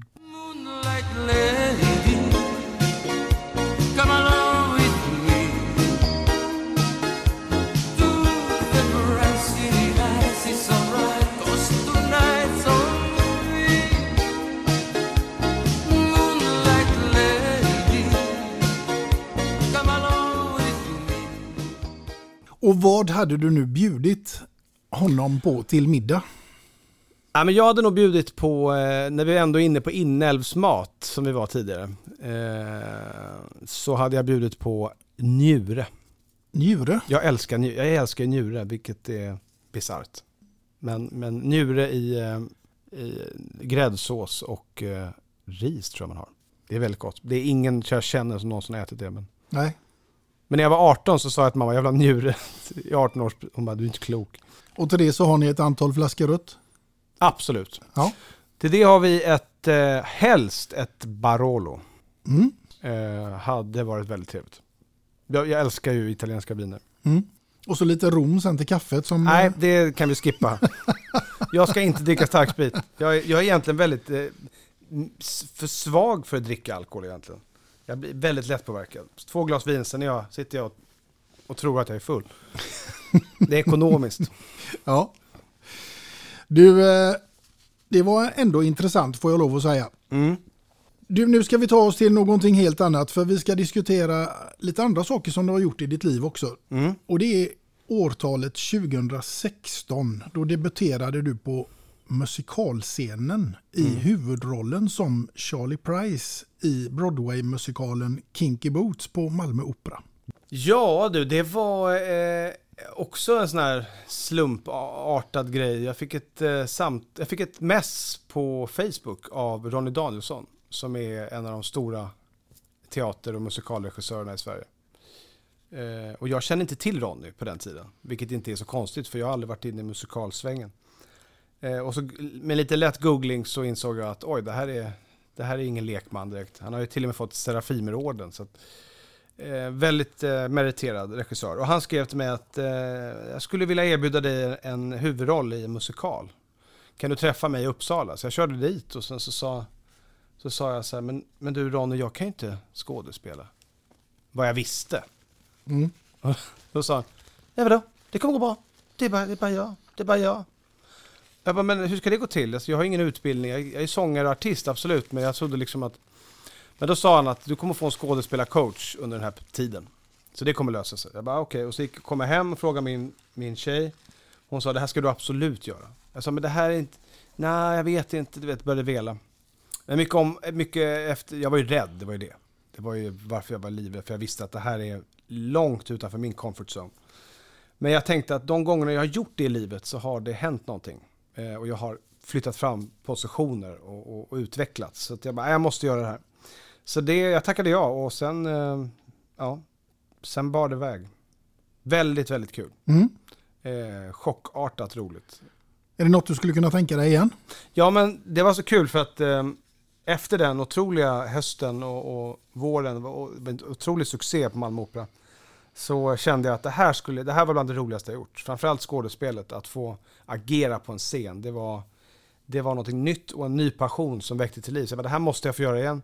Men så kom det inga förfrågningar, eh, så att jag tänkte inte mer på det. Och sen så är, för mig är det viktigt att fortsätta släppa musik och så. Men sen, eh, vad var det då? Det var sommaren 2021. så får jag ett mess av regissören eh, som var assisterande mig att Hej Andreas, eh, vi har ju länge tänkt att du hitta en roll till dig eh, hos oss igen men har inte riktigt hittat det, men nu har vi det. Jaha, tänkte jag, och du vet det här är alltså mitt under pandemin. Jag har hållit på i ett och ett halvt år och eh, pengarna är slut och allt är åt helvete. Så bara, men nästa höst så undrar vi om du vill spela huvudrollen i Anastasia. Som handlar om tsarfamiljen och hela eh, tsarmordet. Och, eh, och det är alltså ett år innan då. Vill du, och det är ingen audition, du får rollen. Och det var ju liksom ingen snack, det var ju bara att tacka ja. Så det gjorde jag i höstas, för ett år sedan. Exakt. Det är häftigt. Ja, det var väldigt häftigt. Vilka utmaningar du tar. Ja, och jag... Eh, och det är väl därför jag tror att min karriär har gått på så konstiga vägar. För att jag har känt att jag vill inte sträva efter den här stjärnan hela tiden. Utan jag måste gå lite sidleds. Eh, jag, jag, följer ofta eh, när mitt hjärta säger att det här, det här ska du göra. Så gör jag det. Och den här gången var ju, fick jag ju liksom stå med Lill Lindfors på scen. Och, och, det var ju liksom ett väldigt eh, ett hedrande uppdrag. Att hon var ju med i musikalen och spelade Enkesarinnan. Mm. Eh, nej, men så jag tror att eh, de här utmaningarna som kommer, eh, jag, jag älskar ju det för att då känner jag att jag pressar mig själv till det yttersta. Eh, och det är det som bygger den här hållbara karriären som ska hålla till 90. Jag har inget, ingen plan att lägga av i 52 utan det här ska hålla på tills jag stupar. Och då måste man ta beslut som inte alltid gynnar plånboken eller det som syns mest. För att bygga en, en, en bättre helhet som performer. Mm. Eh, jag, jag, det är nog det som är grejen, att jag vill bygga en, en mer hållbar karriär på något sätt. Mm. Det låter klokt tycker jag. Ja, om man ser långsiktigt. Ibland är det lite tråkigt och ibland så får man inte vara med och leka i vissa forum som man kanske hade eh, så. Eh, men men eh, det kommer ofta sen ändå. Mm. När tiden är rätt. Liksom. Finns det något sådant forum du önskar att du hade fått vara med och leka i?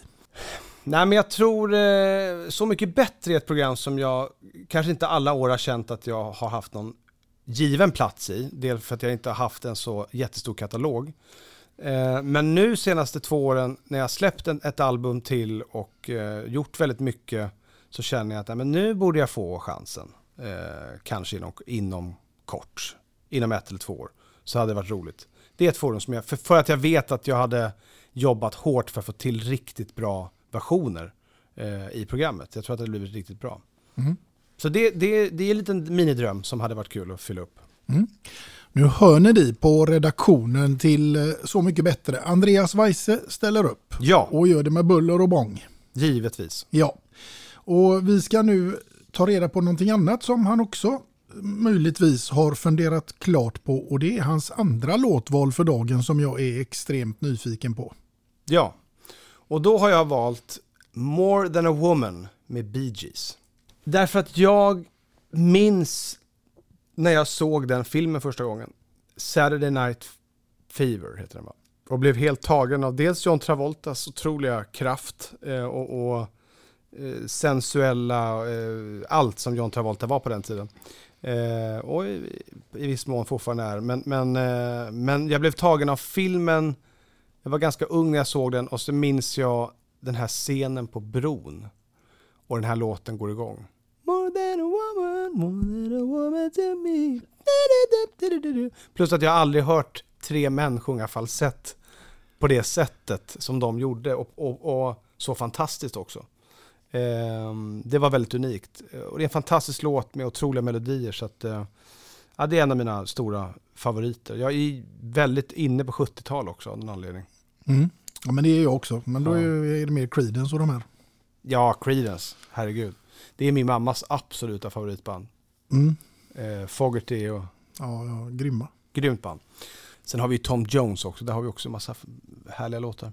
Delilah, eh, han är ju, det sjuka är att han sjunger ju lika bra idag som han gjorde på 60-70-talet. Vilket Mm. är helt sinnessjukt. Mm.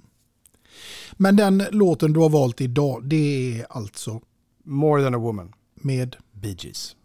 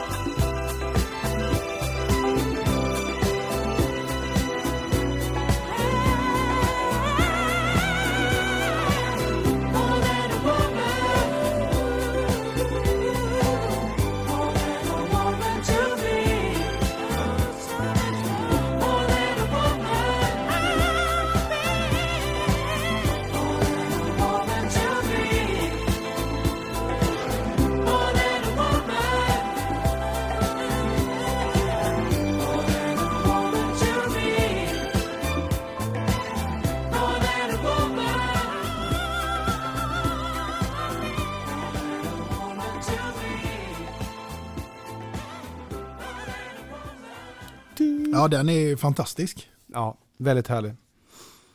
Man blir bara glad. Man Eller blir- jag blir det i alla fall. Man blir väldigt glad och den har någon eh, sån här luftig eh, frihetskänsla. Eh, jag vet inte hur man ska beskriva det. Ja, väldigt härlig.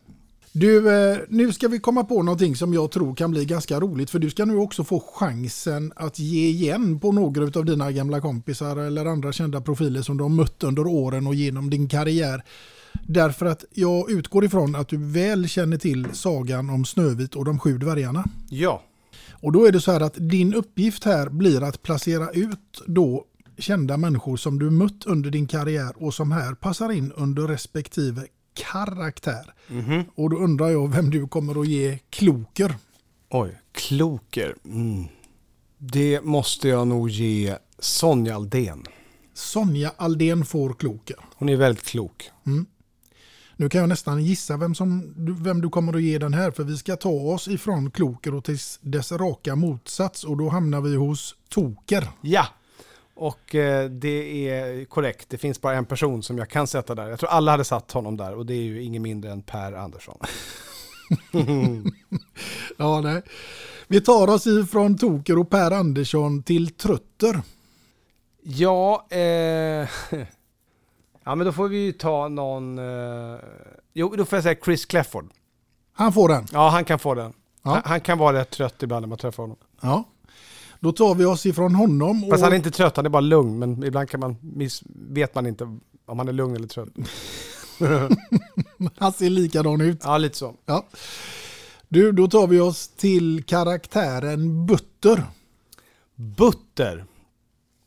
Ja, då får jag säga Henrik Schyffert. Henrik Schyffert får den. Ja. ja. Och Glader då? Glader. Ja, då måste jag ju faktiskt säga Lill-Babs. Lillbabs får Glader. Ja. Ja. Och vi tar oss ifrån Lillbabs och Glader till Blyger. Uno Svenningsson. Uno Svenningsson från Stenungsund. Mm. Mm. Vi tar oss till den sista karaktären här som är Prosit. Det är ju lite intressant. Någon artist eller person i, vår, i min bransch som nyser mycket eller? Ja, eller har annan skit i näsan. Oj, ja, då öppnades spelfältet rejält. Nej då, men eh, eh, Prosit. fan kan det vara? Nej, det får ju vara... Eh, jag höll på att säga Körberg. Det, så, det svarade Claes Malmberg. Det var ju länge sedan. Uh, ja, vi får säga det då. Nej, men vi säger... eh, oj, vad svårt. Eh, då får vi ta... Ja, men vi säger Sarah Dawn Finer. Ja. Ja, för hon, eh, hon kan ibland låta lite hes. Ja. Ehm, Så hon får den. Hon får den. Ja. Det, det var inte så svårt ändå. Nej, men det var... Vissa av dem hade kunnat varit... Om man hade fått lite mer tid kanske man hade tagit dem ännu mer, men ja. Ja, Så är det. så är det. Du, kommer vi att få se dig något mer i Melodifestivalen? För där har du också medverkat. Ja, 2015. Mm. Ja, men jag har alltid sagt att eh, jag stänger inte dörren för Melodifestivalen. Det ska man aldrig göra. Eh, däremot har jag sagt att, att om jag ska vara med där så måste det finnas en låt som jag tror på starkt. Och eh, allt måste stämma. Det måste verkligen vara att man låten, numret eh, och att man blir framlyft på rätt sätt. Eh, då, då tror jag att det är jättebra. Mm. Så att jag, jag stänger inga dörrar. Jag har ju sökt många gånger och inte kommit med. Eh, så jag har liksom, jag har någon slags blandade känslor mot det där. Eh, ibland kan jag tycka att Melodifestivalen är fantastiskt bra. Mm. Och ibland kan jag tycka att det är, är um, borde ha pausats ett år. Eh, Minst. Minst ja. Så att det, det är lite blandat. Men, men har du en riktigt stark låt som du tror på och gör det på rätt sätt, ja men då kan det vara väldigt bra. Mm. Så kan det absolut vara. Jag tänker att det är en arena som föder andra arenor. Ja, och det är ju det som är grejen, både d- d- by, eh, blessing and a curse som man säger på engelska. Eh, är du på rätt sida av det så kan det, vara, kan det slå på otroligt många sätt. Mm. Du kan gå från relativt okänd till Sveriges största artister bara på ett år. Mm. Eh, man, man kan se hur det har gett eh, Cornelia Jacobs till exempel och även Benjamin Ingrosso har ju ta, fått en otroliga lyft. Eh, därför att Melodifestivalen har sån, speciellt om du handlar i topp tre där i finalen, så, så är du ju klar de kommande tre, fyra åren. Mm. Ehm, så på det sättet är det väldigt bra. Eh, och det, du får spela på, på allt. Eh, Mm. Rockbjörnen och alla galor och du, du, det är lekstuga. Men det gäller ju att följa upp det där också. Ja, absolut. Så att, ehm, men visst, alltså ja. Otrolig genomslagskraft. Mm.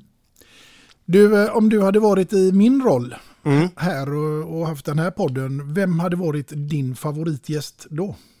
Torsten Flink. Torsten Flink? Fy fan vad kul. Ja. Ja men det är ett original. Ja. Minst sagt. Ja, men det är en gäst jag själv skulle kunna tänka mig, absolut. Ja. Han har men- nog en väldigt spännande livshistoria. Minst sagt. Men jag tycker att han, han, eh, han är väldigt intressant, på många sätt intressant att lyssna på. Ja. Frågan är om han hade kunnat sitta still i en och en halv timme typ. Det är det, är, det, är det som är frågan. Ja. Men, men jag tror att... eh, Jag älskar, Första frågan är väl om han hade dykt upp. Det vet man inte. Men det roligaste är, jag minns när han gjorde Melodifestivalen och så sitter han där märkbart eh, defensiv. Eh, sitter han där och, enligt avtal måste ju alla artister, i och med att jag varit med själv, så måste ju alla ställa upp på de här presskonferenserna och intervjustunderna och de är ju ibland jättejobbiga, men du måste göra det. Och då sitter han där och så kommer någon från Expressen tror säger Hej Torsten! Jaha, hur känns det nu? Har du, har du laddat upp för, för, för lördag? Ja, men vad fan, du fattar ju själv att jag kan inte ladda upp nu! Du är helt slut på lördag, fattar du väl? Oh, jag, och, och så vänder han sig mot sin PR-person. Jag, jag kan inte svara på de här frågorna. Jag vet, jag vet inte. Fråga dem. Ja, de har väl säkert en magisk kul alltså. Alltså det är så jäkla roligt. Och den här journalisten bara, okej Torsten, okej, så går den därifrån. Sen tvingas han ju att göra om intervjun och be om ursäkt. Och, och så, ja, det är väldigt, väldigt kul. Jag kan ju inte ladda ur, jag kan inte ladda, ladda ur nu, det är ju slut, det är ju sant. Men, men ja, det är så osvenskt, härligt. Ja, jag tar med mig det tipset faktiskt. Torsten Flink, eh, ja, Episkt. ja absolut. Mm. Du, vi ska ta oss till en liten allvarligare fråga, för jag tänker fråga dig vad ordet livskvalitet innebär för Andreas Weise. Livskvalitet. Mm. Ja, det, det är så kul med det där ordet för att det, det, det ändras ju för varje årtionde märker jag. Livskvalitet när jag var 20 är ju absolut inte livskvalitet när jag är 37. Nej. Men för mig, för Andreas Weise idag så är livskvalitet att få känna sig frisk. Eh, inte för att jag på något sätt är gammal, men, men eh, jag känner ju att jag, jag vet inte, jag, jag känner att åren bara går nu när man har barn och det är bara helt plötsligt så, oj, nu snart är jag 40. Alltså det går väldigt fort. Eh, men att man är frisk och att familjen mår bra och, och att en fredag i, i juni, tidig juni, och det- är tillräckligt varmt för att grilla och eh, man får stå med ett glas vin och eh, barnen leker och är tillfreds och min fru är inte arg på mig. Eh, det är livskvalitet. Det är härligt. Ja, det är faktiskt det. Det är någonting, jag vet att vi köpte huset så när våren kom där och vi hade köpt en grill och det var ju pandemi också så vi, hade ju liksom, vi vågade inte köpa någonting. Men grill sa jag, det ska vi ha nu. Eh, och så stod jag där med en öl och så kände jag mig som liksom den här stereotypen av en sån svensk man. Fredde Schiller i Solsidan. Ah, ja. Absolut. och, och, och jag kommer ihåg att eh, Sofie då, min fru, hon tittade på mig och bara, det här är så rätt på ett sätt, men det är också så fel. Jag bara, vad menar du? Nej, men det är inte fel, men det kändes verkligen så typiskt. Att nu har jag hamnat exakt här. Ölen där och så grillen där. Men det var något med, med det som var väldigt tryggt på något sätt. Mm. Så det är livskvalitet. Ja. Mm. Jo, men innan vi avslutar detta avsnitt också, Andreas, så tänker jag att jag ska ju naturligtvis fråga dig, vad kan vi förvänta oss av Andreas Weise här i framtiden, i både närtid och, och framtid? Nej men i närtid så är det ju eh, den stora grejen som återstår det här året, det är ju min turné. Som jag gör, där jag gör hela albumet The Circle, eh, som albumet heter. så det, det är ju det stora nu i höst och då kommer vi till Vasateatern, eh, Stora Teatern i Göteborg och Malmö Live i, eh, i Malmö och sen blir det lite eh, Askersund kommer vi till och Kungsbacka bland annat. Eh, så det är den stora grejen i höst, eh, turnén där och eh, sen får vi se vad framtiden har i sitt sköte. Så Mm. att säga. Men eh, mer musik ska släppas och, och, och så. Ehm, men nu är det full, full fokus på turnén. Då hoppas jag att det finns eh, någon plats ledig i Göteborg, för då ska jag naturligtvis komma och titta på dig. Det finns det. Underbart Andreas! Och till er lyssnare så ska ni självklart också gå och hänga på och titta på de här ställena som Andreas nu nämnde. Ja, och biljetter hittar ni på mitt Instagramkonto eller på allthingslive.se. Eh, Där kan ni googla runt och där finns biljetter. Grymt! Mm.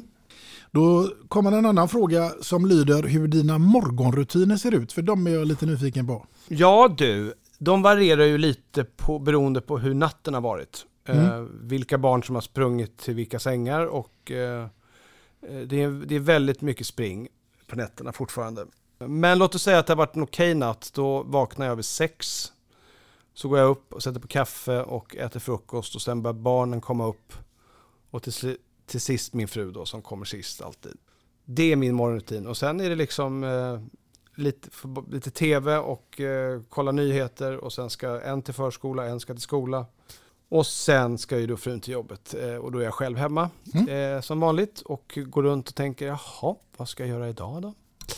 Eh, om jag inte då är ute, ute och spelar eller gör något så, inte har något sådana här grejer till exempel. Jag, jag drömmer ju om att alltid få vara, vara med i en podcast. För det här är det här jag tycker är kul. Eh, eller att jag sitter i studion och skriver och så. Men ibland går det ju perioder där jag inte gör någonting på dagarna. Så då måste jag ju driva mig själv och det är jag usel på. Mm. Eh, ibland kommer jag i perioder där jag liksom, då måste jag skriva ner. Det här ska du göra idag och då funkar det. Har jag inte gjort det då vet jag att imorgon kommer bli hemskt för mig. Jag kommer bara gå runt och titta. Jaha, vad ska jag göra? Jag blir som ett mähä nästan. Så Men du, det jag fiskade efter där, det var om kaffet var viktigt för dig på morgonen. Enormt. Ja, och snusen antar jag. Ja, snus och kaffe. Ja. Baksnus om, om frun har dragit tidigt till jobbet. Ann- Annars är det bara att glömma. Ja, då är det blöja som gäller. Ja, lite så. Ja. Nej, det är vi faktiskt färdiga med nu, blöja. Ja, jag tänkte på snusblöja. Jaha. Ja, ja, ja, ja, ja. Portionssnus. Ja, ja, såklart. Men du, jag tänkte att jag ska också få bidra med någonting till dina morgonrutiner. Eh, och då är det nämligen med en Ah. mugg, två låtar och en kändis. Och givetvis så har vi också Nej. ditt namn ingraverat. Och den tänker jag att jag ska räcka över till dig. Den var ju väldigt fin. Ah, tackar. Två låtar och en kändis. Väldigt fin. Ja. Mycket trevligt. Den hoppas jag att du ska behålla som ett eh, trevligt minne ifrån den här fantastiska poddstunden. Men innan vi avslutar detta avsnittet med dig Andreas så är det också så här att vi ska avsluta med en av dina låtar. Ja. Och då är frågan om vilken låt du tycker att vi ska ge lyssnarna här nu på slutet. Ja, och då har jag valt en låt som är en av mina eh, favoriter faktiskt från senaste albumet. Som eh, har fått en, eh, en viktig, eh, viktigare roll än vad, än vad egentligen var tank, än vad planen var med den här låten. Eh, och det är låten Autumn Leaves som eh, jag eh, dedikerat till min kära mormor. Mm. Hur kom den till? Nej, den kom till under tiden vi, eh, jag och Jörgen Elofsson gjorde albumet. Och eh, jag minns att det här var en låt som jag hörde väldigt tidigt in i vårt samarbete och eh, som vi satt och, satt och lyssnade på och, och eh, som Jörgen jobbade med. Och jag kände att det här är en fantastisk låt. Den här måste jag bara få, få lägga min sång på. För den berörde mig på så många sätt och vis. Jag tror det kan delvis eh, tankar efter när min pappa gick bort och sådär. Och, eh, och sen så tog det nästan ett år innan vi spelade in den låten. Och sen var det faktiskt så att eh, min mormor gick bort i, eh, i april. Eh, och hon fick aldrig höra den här plattan som jag släppte i april. Så att eh, just den här låten blev eh, en... en och det som, hör, det som hör till varför det blev en stark koppling till det var att jag hade ett konsert i Lindesberg. Eh, deras stora arenaspelning där som de gör varje år. Och eh, jag, jag kom dit dagen innan och repeterade och när det väl klockan nio på morgonen dagen efter konsertdagen, då ringde min mamma och berättade att mormor hade gått bort. Och jag skulle göra den här låten på kvällen. Eh, Så det blev väldigt eh, en speciell grej faktiskt. Eh, Mm. Och efter det så blev den här låten en koppling till det. Ja, det var ju fint. Ja. Du, då tycker jag vi tar och kör låten. Ja, Autumn Leaves. Med Andreas Weise. Och eh, till er kära lyssnare så hoppas jag ju självklart att ni lyssnar klart på den låten och eh, vem som sitter framför mig nästa gång det återstår ännu att se. Men tack för er uppmärksamhet. Vi hörs på nytt. Hej då! Hej då!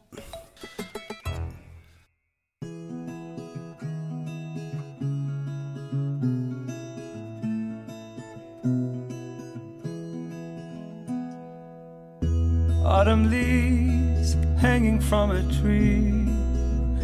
That is all I'll ever be. Everything is coming to an end, and so are we. I can't believe that you're no longer here. Don't know what I should do. These autumn nights, places we have been, reminding me of you. We fall to the ground as leaves without sound, have nowhere to go when you're not around. I'll be smiling again, I'll be fine in the end, but it won't be the same. It won't be the same without you.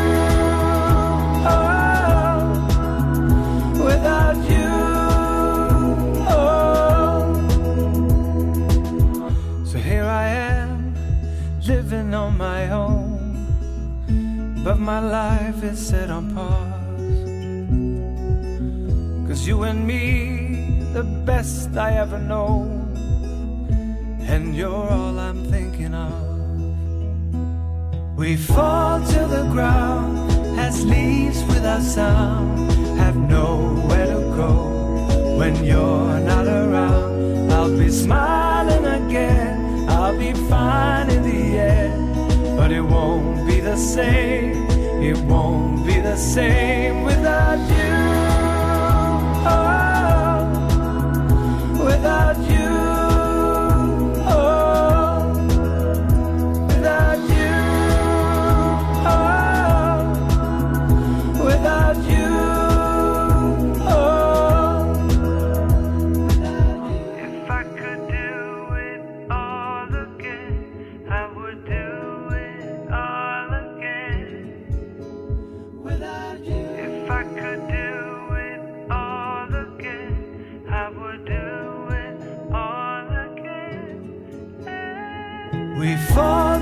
Ground as leaves without sound, have nowhere to go when you're not around. I'll be smiling